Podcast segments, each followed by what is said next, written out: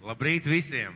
Esiet sveicināti Dieva namā, esiet sveicināti Dieva ģimenē cerība, esiet sveicināti šajā skaistajā, brīnišķīgajā Dieva dotajā dienā. Šodien mums ir tāds īpašs dievkalpojums.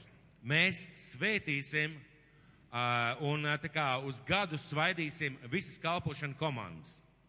Un visas kalpošana komandas, kalpošana vadītājus, cilvēkus, kuri šī nākošā gada laikā, ja šī gada laikā ir apņēmušies kaut ko darīt šajā draudzē ar dažādām dāvanām.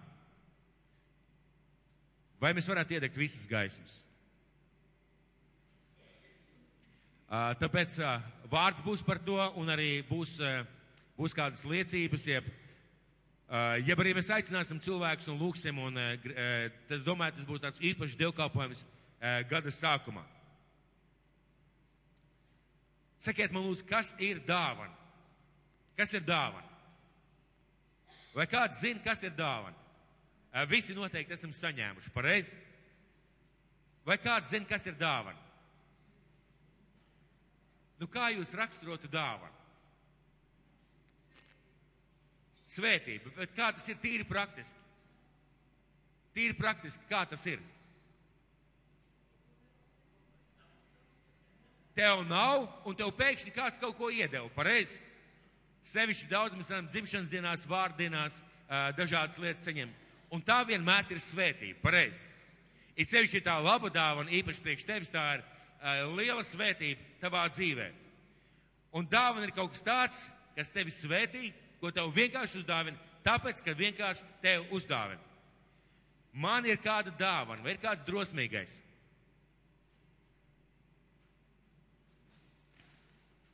Nauris, kā vienmēr, pirmais ceļ roku. Nav, nav, nav runāt šurp.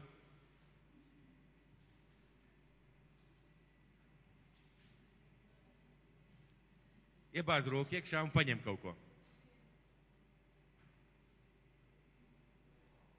Pilspāva ar trīs krāsām. Bet man ir vēl divas dāvanas. Kas gribētu dāvanu? Variet. Kas gribētu dāvanu? Nu, nav tur krokodils. Nu, nāc Mārtiņ. Nav tur krokodils, nav, nav kaut kas tāds.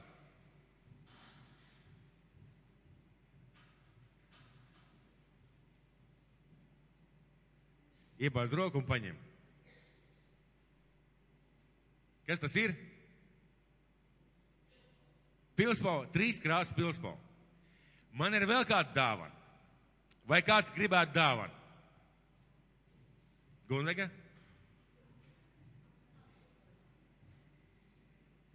Uh, bet viņa pati gribēja, pareizi jūs sapratāt, jā? Ja? Lūdzu. Trīs krāsu pilspaudu. Ļoti skaisti. Uh, Gundaga, uh, varbūt Nauri. Nauris tu tur aizmugurē sēdi. Kā tev liekas, kurā gadījumā, jeb kādā gadījumā šī pilspauda tev būs par svētību?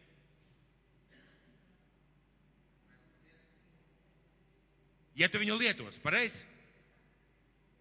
Uh, bet var taču nolikt plauktā un pēc gadiem izmest ārā, jo tie un izkautos, pareizi? Var tā izdarīt? Tātad dāvana kļūst par svētību, ja tu viņu lieto. Pareizi. Vai, piemēram, to pilspālu var aiziet kaut kur norekt, kādā kaudzē.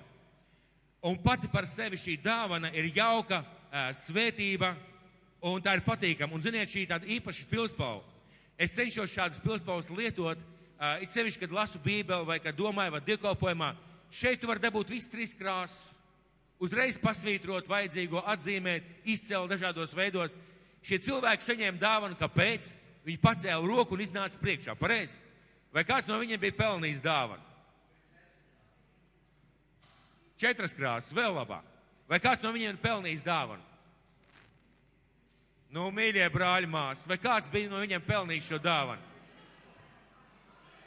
Bija pelnījuši, ja viņi bija mūsu draudzē, bet pēc būtības taču nē, pareizi. Jo dāvanas mēs nenopelnām, dāvanas vienkārši iedod. Un tikai tas, ka tu izgāji un paņēmi, ka tu gribēji kaut ko saņemt, tas tevi svētīja.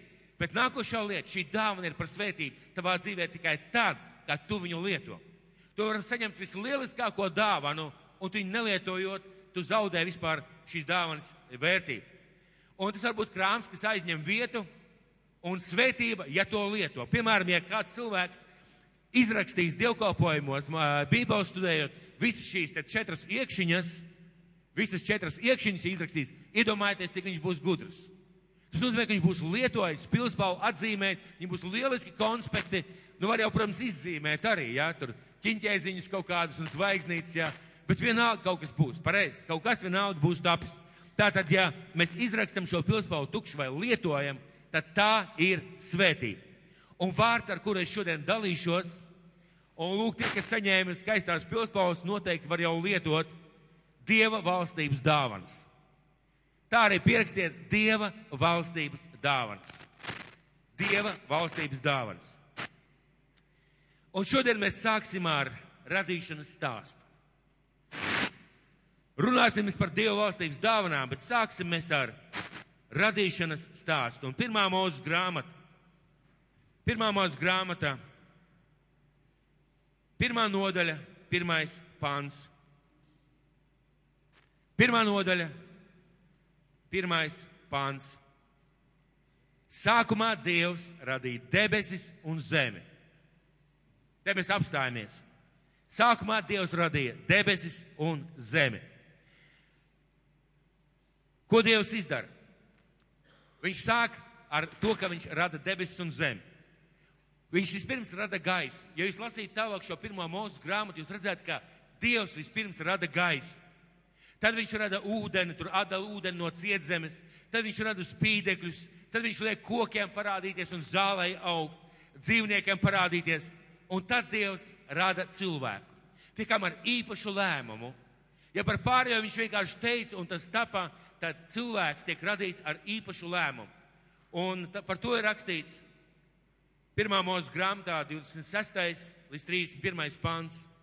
Un Dievs teica, Taisīsim cilvēku pēc mūsu tēla, pēc mūsu līdzības, lai tas valda pār zivīm jūrā un pār putniem debesīs, un pār lopiem un pār visu zemi, un pār visiem rāpuļiem, kas rāpo pār zemi.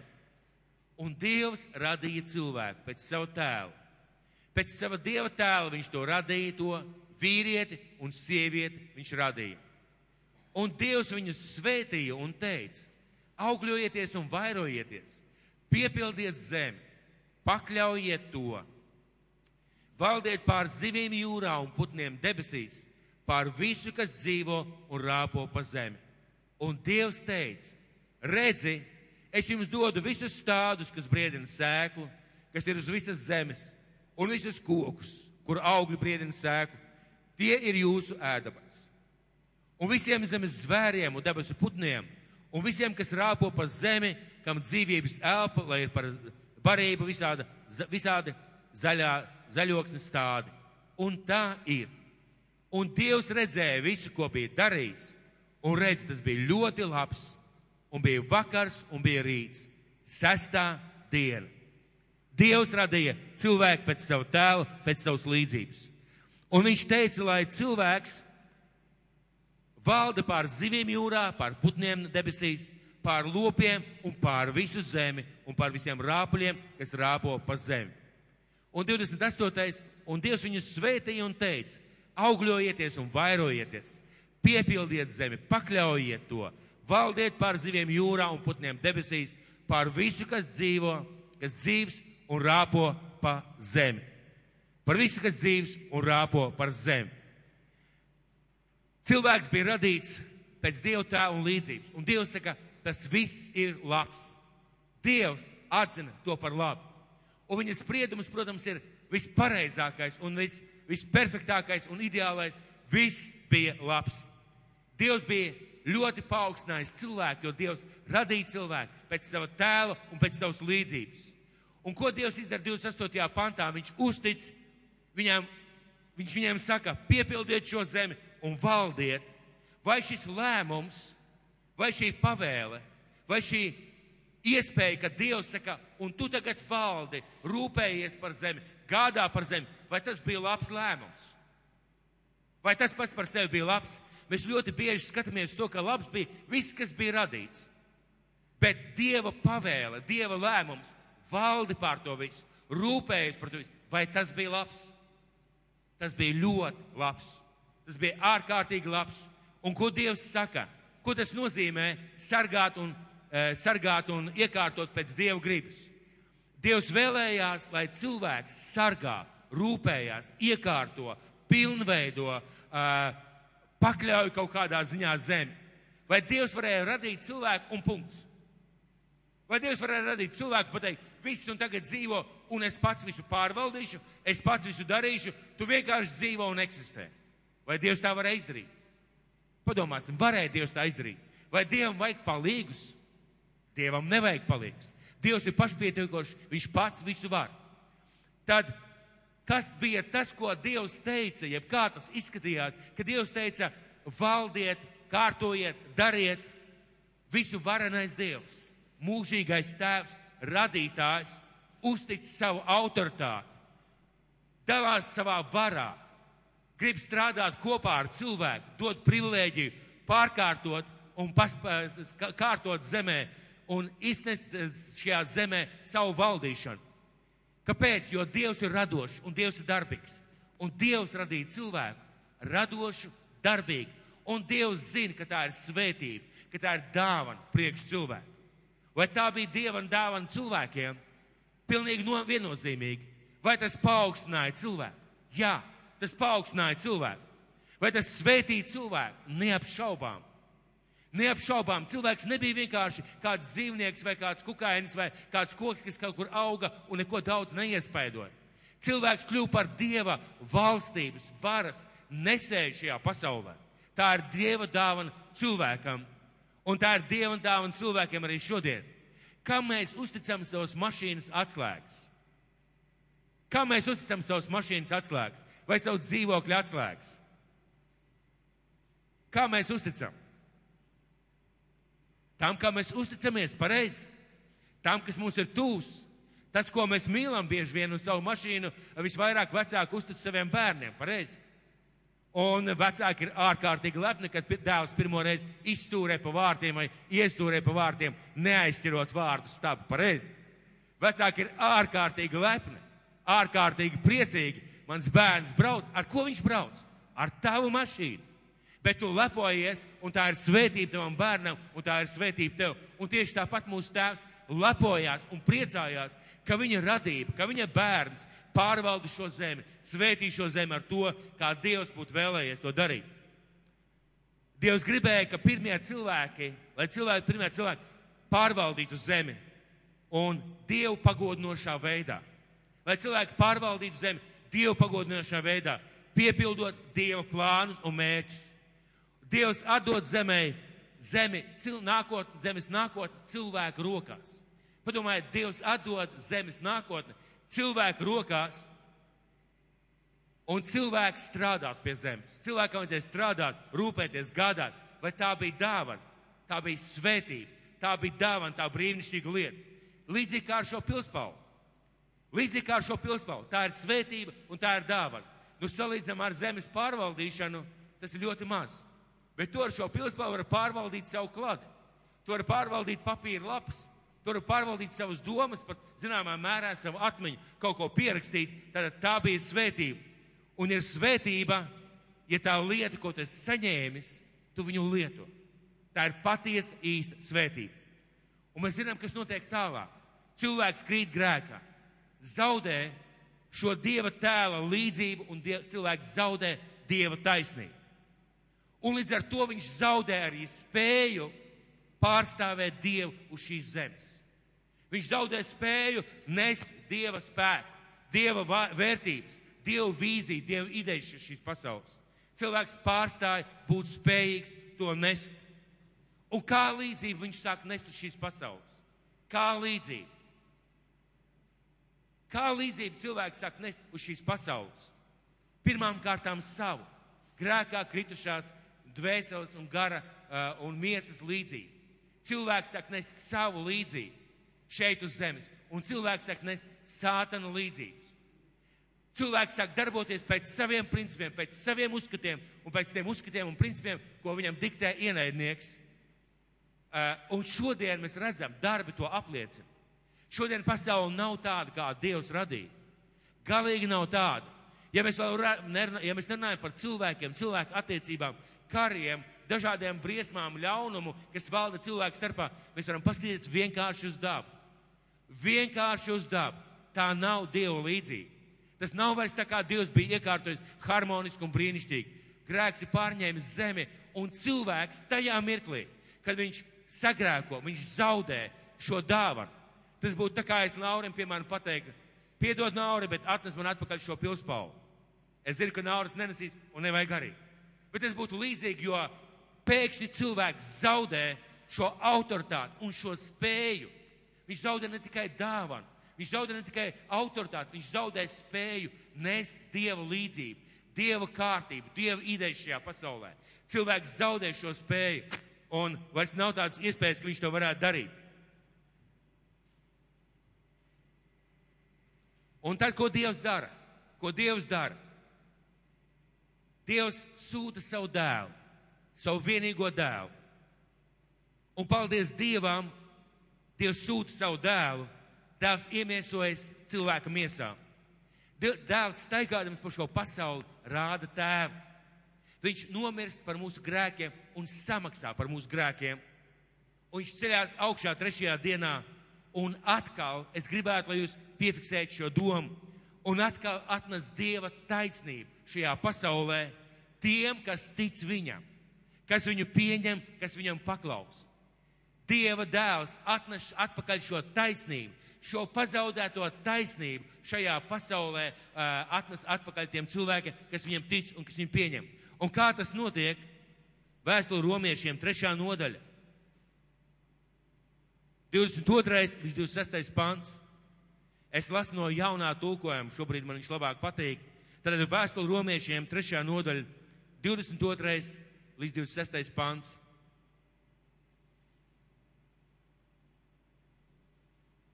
Dieva taisnība ticībā uz Jēzu Kristu ir visiem, kas tic. Tur nav nekādas atšķirības, jo visi ir grēkojuši un visiem trūkst dievišķās godības. Dieva žēlastībā visi tiek taisnot bez nopelna, jo viņš tos atpircis Kristu Jēzu. Viņā ko Dievs bija līdz par izlīgumu viņa asinīs, ko saņēmām ticībā, lai Dievs parādītu savu taisnību. Un Dievs piedod grēkus, kas darīti iepriekš dievišķās patietības laikā, lai parādītu savu taisnību tagadējos laikos, ka viņš pats ir taisns un taisno tos, kas tic Jēzum. Un taisno tos, kas tic Jēzum. Dievs atgriež cilvēkam atpakaļ viņa taisnību. Savu taisnību, to, ko cilvēks pazaudē, Dievs atgriež atpakaļ. Un, ziniet, varbūt tā ir mana ticība, kas nopelna Dieva žēlastību. Varbūt tā ir mana ticība, kas panāk taisnību no Dieva. Varbūt tas ir mans nopelns, ka es noticēju Jēzum Kristum, un tagad Dievam nav kur likties, viņam ir jādod man sava taisnība man. Varbūt tas ir mans nopelns, Jā, tā ir mana izvēle. Viennozīmīgi, tā ir mana izvēle. Tā ir mana izvēle saņemt šo Dieva dāvanu, jo tā ir tikai dāvana. To mēs nenopelnām. Bet, ziniet, tieši tāpat kā Nauris, Mārtiņš un Gundaga, tu vari saņemt šo dāvanu tikai tad, kad tu atnāc un pieņem šo dāvanu. Jo pirms tu varēji izvēlēties, Dievs jau deva šo dāvanu un taisnoja ikvienu, kas tic Jēzus Kristus asinīs. Bet ir jāatnāk un jāsņem šī dāvana. Un tad šī dāvana svētītē. Tad šī dāvana izmaina tavu dzīvi. Tad šī dāvana dara tev taisnu un tīru un, un, un patiesu Dievu acīs. Tad šī dāvana izmaina tavu staigāšanu kopā ar Dievu un tavu staigāšanu šajā fiziskajā pasaulē. Tā ir Dieva dāvana. Un, lai apstiprinātu šo domu vēl vairāk, es gribētu izlasīt vēstuli Efeziešiem.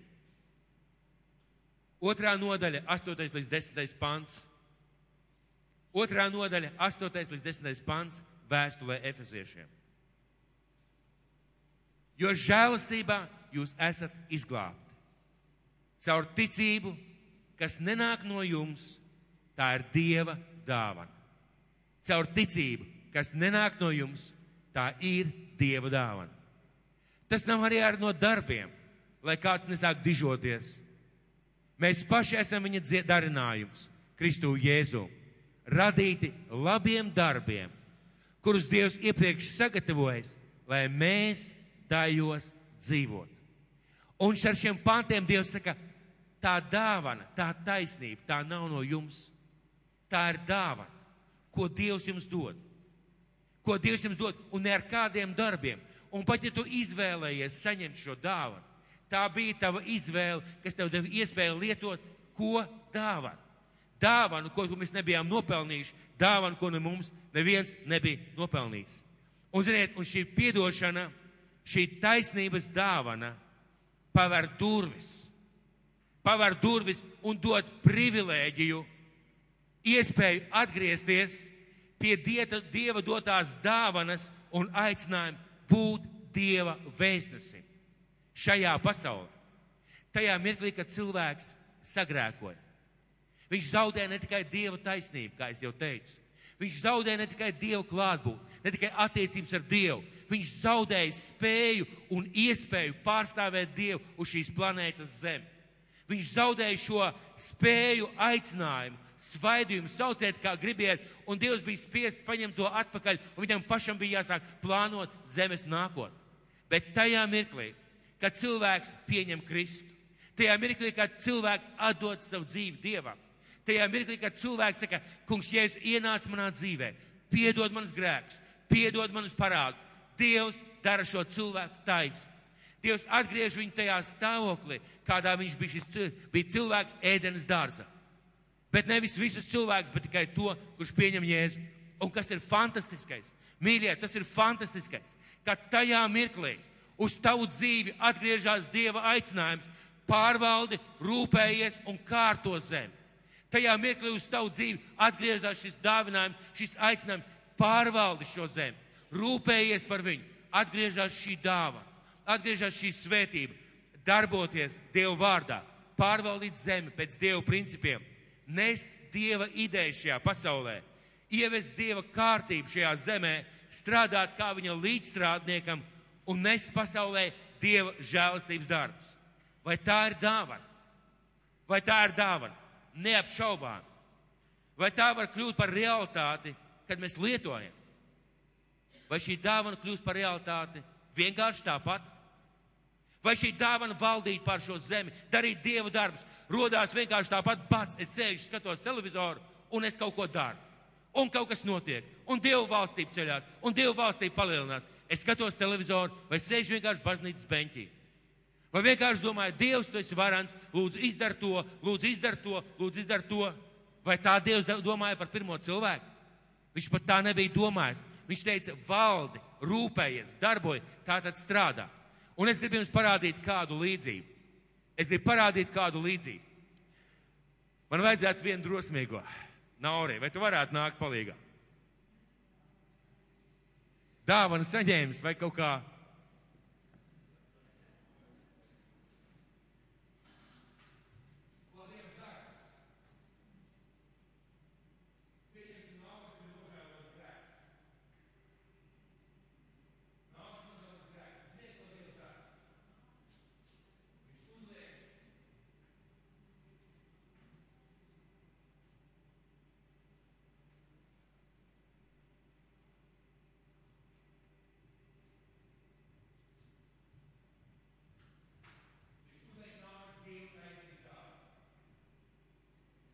Viņš uzliek naurim Dieva taisnības dāvanu, šo, šo apmetu. Pareizi. Un lūk, Dieva taisnība ir atgriezusies pār cilvēku. Kāpēc? Tā bija viņa izvēle pieņemt Dieva dāvanu. Jēzus Kristus upuri un samaksu par viņa grēkiem. Šajā mirklī viņam ir šī autoritāte, jeb šī tais, Dieva taisnība. Bet ziniet, ko tad Dievs izdara? Dievs paņem slotu, ieliek šī dievu bērnu rokās saka, tīri šo zemi. Izslauki ārā, slauki ārā, no šī mirkļa slauki ārā visu, kas nav no manis. Savā dzīvē realizē manus principus, klaus manas baušas un strādā. Ko var izdarīt cilvēks ar šādu slotu? Divi varianti. Viņš sāk slaucīt, sāk strādāt, un ziniet, kas notiek tajā mirklī? Šī dieva dāvana pārvaldīt zemi nes Dieva taisnību, Dieva gribu, Dieva principus, Dieva mērķus, realizējās viņa dzīvē. Bet ziniet, ko vēl var izdarīt? Man nav laika. Man ir savi plāni. Uh, es negribu, es baidos. Man nesanāks. Esmu pārāk aizņemts, esmu pārāk kautrīgs. Dievs atrod kādu citu. Un zini, kas notiek? Ziniet, kas notiek? Cilvēks paņēma vienu dāvanu, un viņš palaida otru dāvanu garām. Viņš saņēma galveno dāvanu, bet šo te autoritāti, šo dievu pavēli, kas bija laba, ņem un tagad rūpējies par zemi, kristietis var palaist garām. Ja dāvanu nelieto, viņa ir nevērtīga. Paldies tev, Nauri. Viņa ir nevērtīga, viņa nekas nav. Var aiziet un aprakt to dāvanu un nedarīt neko. Ziniet, šodien ir daudz grūtāk tīrīt šo zemi. Daudz grūtāk tīrīt šo zemi nekā Ābela laika, nekā Ādama laikos. Ziniet, kāpēc? Jo pasaule ir grēkā kritus. Ir ārkārtīgi daudz darba. Tajā laikā, kad Ādams strādāja vai darbojās, tajā laikā zeme bija iztaisīta un viss bija labs. Šodien maz ir palicis laba. Šodien maz ir palicis laba, bet mēs varam sākt sakopt šo zemi. Mēs varam sākt nest Dievu principus, Dievu valstību, un ja es atjaunos, atjaunos šo zemi. Ja mēs lasām Jāņa atklāsmes grāmatu, mēs redzam, ka pēdējās nodaļās Dievs saka, un es redzēju jaunas debesis un jaunu zemi. Jaunas debesis un jaunu zemi. Bet līdz tam laikam Dievs dod cilvēkiem uzdevumu. Un šajā zālē nav neviena cilvēka, kurš būtu pieņēmis Jēzu Kristu un kuram nebūtu uzdevums, aicinājums un dāvana nest Dieva valstības šajā pasaulē. Nav neviena. Ir tikai kādi, kas to dara, un ir kādi, kas ir aprakuši. Ir kādi, kas to dara, un kādi, kas ir aprakuši. Un strādāt Dieva vārdā mēs saucam par kalpošanu. Strādāt Dieva vārdā. Mēs kristīgā draudz saucam par kalpošanu. Tā ir dāvana un tā ir privilēģija. Tā ir da... Ja dāvana svētī, cik muļķim ir jābūt, lai laistu to garām? Cik muļķim ir jābūt, lai pateikt, nē, Dievs piedod, bet man nav laika. Es esmu par vecu, es esmu par kūtru, es esmu par slinku, es esmu pārāk aizņemts. Cik lielam muļķim jābūt? Piedodiet, ja es lietoju tādus vārdus, arī es varu atļauties lietot. Cik lielam muļķim jābūt, lai noraktu to dāvanu, to aicinājumu, ko Dievs tev ir devis, un vienkārši tādā dzīvot. Kāpēc? Daudz nesaprot, kāpēc daudz nesaprot un noraida, un dāvana paliek ārpus viņiem. Un šī dāvana paliek ārpus viņiem. Iedomājieties, Dievs tev ir devis autoritāti. Dievs tev ir devis iespēju nest Dieva valstību šīs zemes, viņa principus, viņa kārtību. Dievs tevi svētīt caur to, Dievs tev dod autoritāti, un tu to vari vienkārši norekt. Un tas nozīmē, ka tu palaid garām, palaid garām brīnišķīgs, fantastisks lietas savā dzīvē. Daudz nesaprot, kāpēc. Es jums pateikšu. Valda vecā daba. Jā, apmetnis ir uzvests, piedots ir cilvēkam ir Dieva taisnība, bet valda vecā domāšana. Ziniet, kā domā cilvēki, kas dzīvo, uh, nedomājot par šīm dāvanām? Cilvēks dzīvo priekš sevis. Cilvēks skatās uz sevi, un cilvēks pakļaujās dažādām lietām, kas viņu iespaido. Un, protams, protams, mums ir daudz izaicinājumu. Mums ir daudz lietas, bet es negribētu, ka kāda dāvana palikt ārpus viņa. Un daudz uzskat par smagu. Būs izaicinājums, bet mēs varam to izdarīt. Noraidot, mēs zaudējam šo fantastisko iespēju.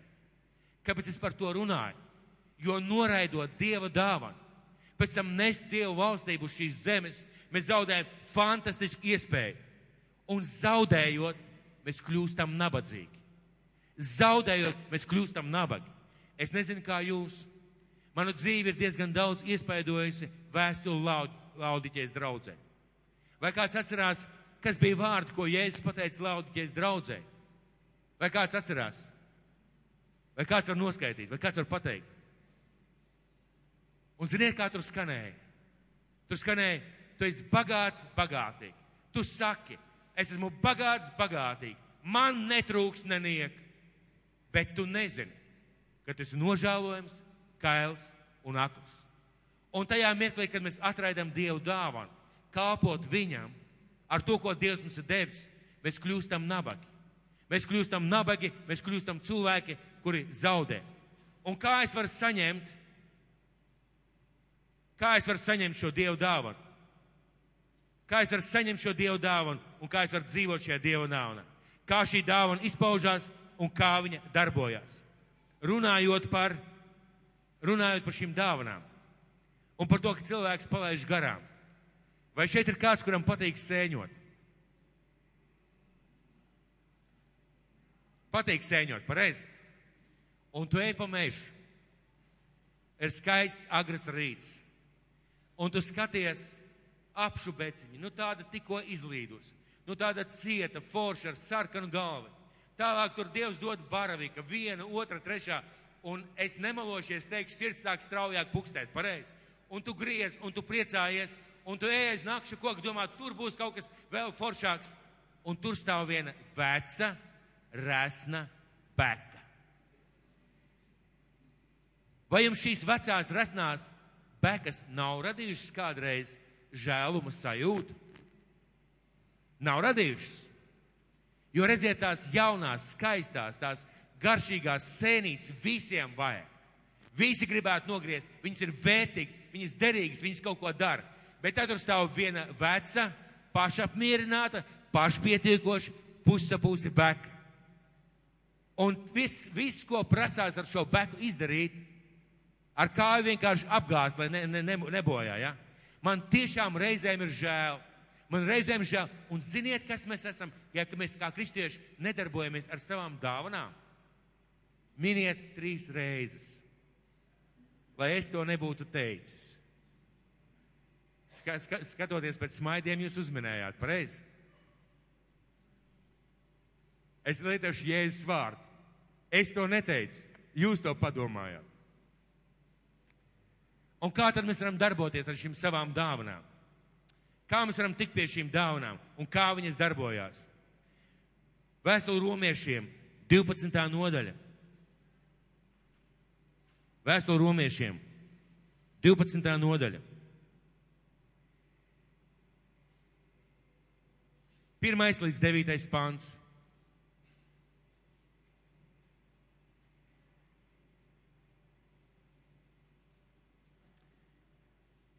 Un rakstīt vēstuli mums. Es jūs aicinu, brāļi, Dieva apžēlošanās dēļ. Nododiet sevis pašus, tā ir jūsu apzinīgā kalpošana Dievam, kā dzīvu, svētu un Dievam tīkamu upuri. Netūpiet šim laikam līdzīgi, bet pārvērtieties, atjaunodamies savā prātā, lai jūs varētu izprast, kas ir Dieva grība, to, kas ir labs, tīkams un pilnīgs. Jo žēlastībā, kas man dota, es ikvienam no jums saku, neuzskatiet sevi par pārākiem kā citi. Esiet saprātīgi. Ik viens pēc tāda ticības mēra, kādu Dievs tām piešķīrs. Jo kā mūsu miesai ir daudz locekļu, bet ne visiem locekļiem ir viens un tas pats uzdevums. Tā arī mēs daudzi kopā esam viena mies Kristu, bet atsevišķi esam cits cita lodzekļi. Un mums, pēc mums dotās žēlastības, kas devis šo žēlastību? Un mums pēc mums dotās žēlastības, kas devis šo žēlastību? Kas devis? Dievs pareizi. Tad tā tiešām ir milzīga vērtība. Un mums pēc, un, un mums pēc mums dotās žēlastības ir dažādas dāvanas. Ja kādam dota pravietošanas dāvana, lai tā izpauž saskaņā ar ticību, ja kādam ir kalpošanas dāvana, lai tā izpaužas kalpošanā, ja mācīšanas dāvana, mācīšanā, ja kāds ir pamudinātājs, jeb sludinātājs, lai pamudina, ja kāds dalās ar citiem, lai dara to dāsni, kas vada citus, lai dara to atbildīgi, kas dara žēlsirdības darbu, lai dara to ar prieku. Lūk, ko Dievs iedod cilvēkam. Viņš saka, tu esi izglābts, Tava dzīve pieder Dievam. Bet tagad katram ir dāvana. Katram ir dāvana.